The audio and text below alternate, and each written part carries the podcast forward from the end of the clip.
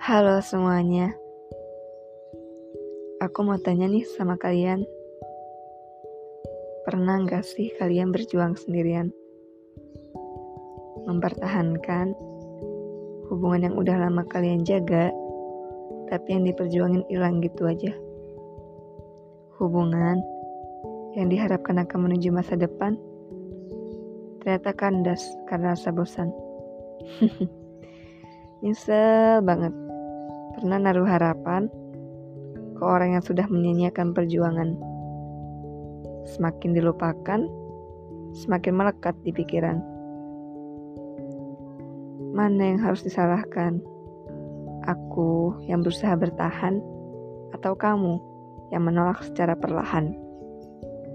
Rasanya ingin menghilang saja dari bumi agar terhindar dari perasaan brengsek yang menyakiti hati. Sabar ya hati, kelak dia akan merasakan juga rasanya ditinggalkan oleh orang yang sempat istimewa di hati.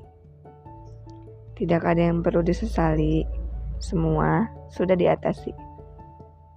Cukup beri doa terbaik untuk dia yang pergi tanpa permisi.